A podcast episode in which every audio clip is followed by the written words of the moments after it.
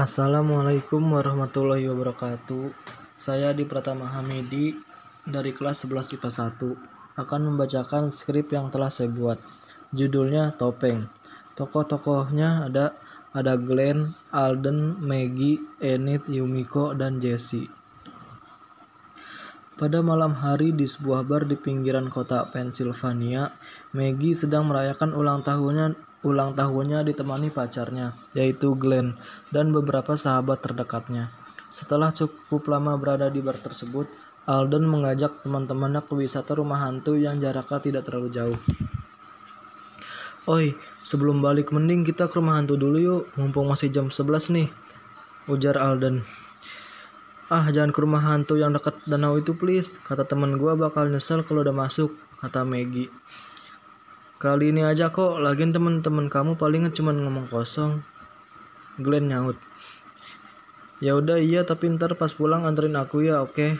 Kata Maggie. Oke, aku janji. Sembari mencium jidat pacarnya. Kata Glenn. Mending jalan sekarang guys, daripada kemalaman, ujar Enid. Mereka akhirnya OTW ke rumah hantu tersebut dengan mobil Glenn. Setelah 17 menit akhirnya sampai di gerbang rumah hantu yang keadaannya membuat nyali para mahasiswa ini ciut. Woi ini serius rumah hantunya, kok malah kayak tempat jagal sih, kata Enid. Namanya juga rumah hantu, ya pasti serem lah. Eh BTW di mana ya loketnya? Kata Alden. Gue juga lagi mikirin tempat loketnya di mana nih. Cek ke belakang yuk, siapa tahu loketnya di situ, kata Glenn. Lu kalau mau ke belakang sono dah, aku nunggu di sini aja, takut soalnya, ujar Jesse. Di saat Glenn ingin mengecek ke belakang, tiba-tiba rolling yang ada di depan mereka terbuka dan muncul sosok jubah dan bertopeng yang membawa kotak kosong. Jika sudah masuk rumah saya, maka bersenang-senanglah, kata si topeng.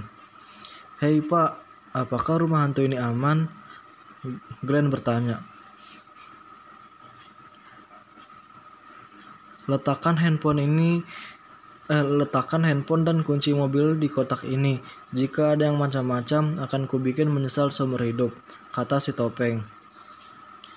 Suasana semakin tegang. Maggie dan kawan-kawan hanya menuruti apa yang diperintahkan oleh si topeng. Aku takut, kata Maggie. Tenang, ada aku di sini. Aku bakal jagain kamu kok, ujar Glenn. Kalian masuk lewat pintu ini, ikuti saja tanda-tandanya. Setelah itu, ada pintu keluar dan kalian akan keluar dengan selamat. Kata si topeng. Si topeng langsung pergi setelah itu.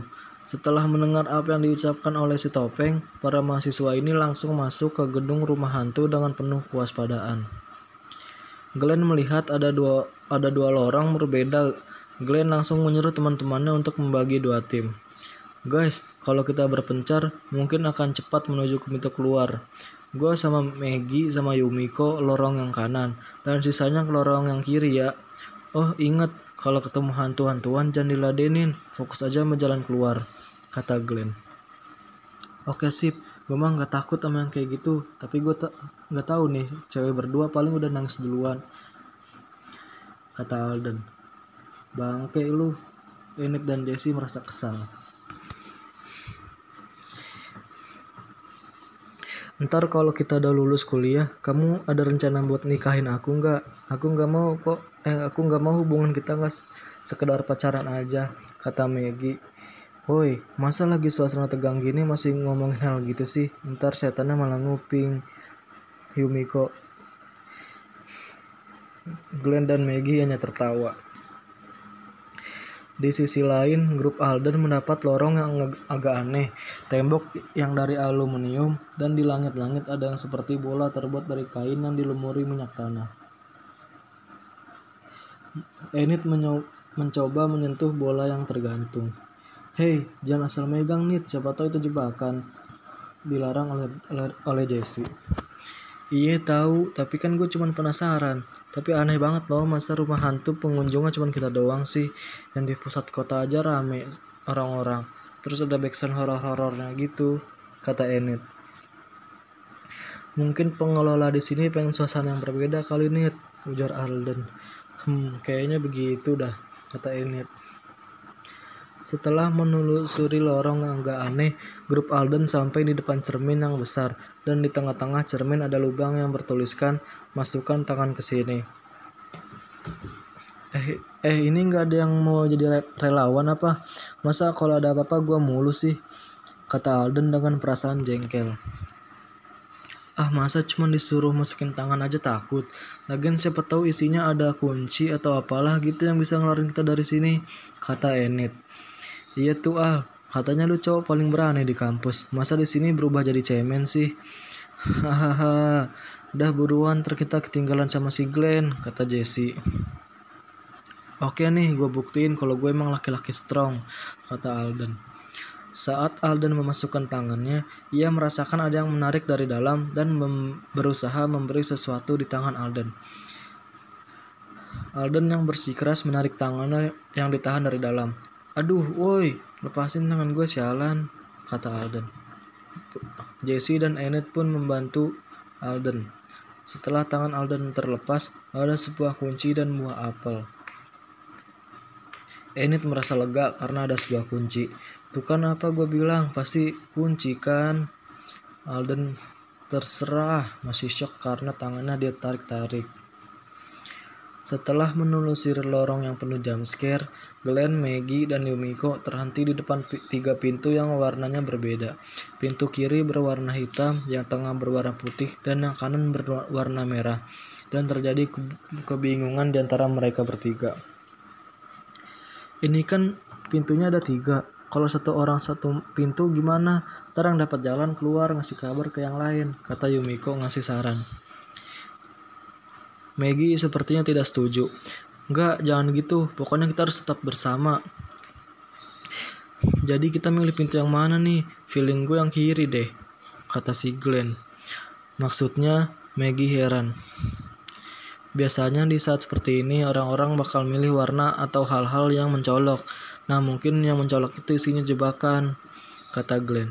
Gue nurut aja deh, soalnya gue juga sempat dapat sama dia kata Yumiko mencoba meyakinkan Maggie. Oke, tapi kalau ada apa-apa kita harus buru-buru muter balik, kata Maggie. Setelah menentukan pilihan pada pintu hitam, Glenn berada paling depan untuk menelusuri jalur tersebut.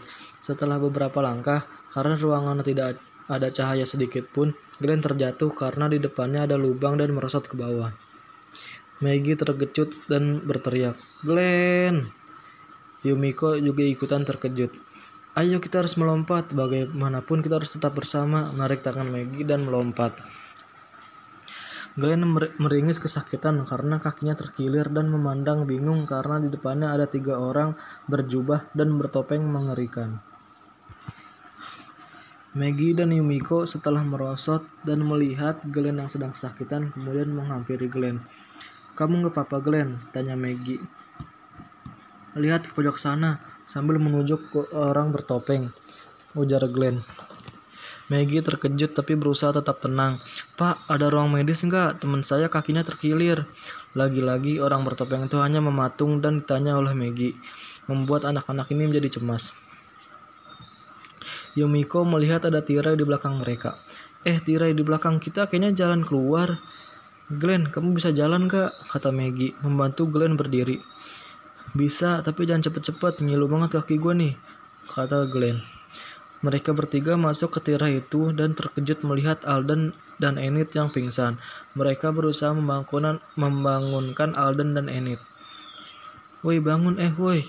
Sambil menggoyangkan badan mereka berdua, kata Alden dan Enid sadar dari pingsannya.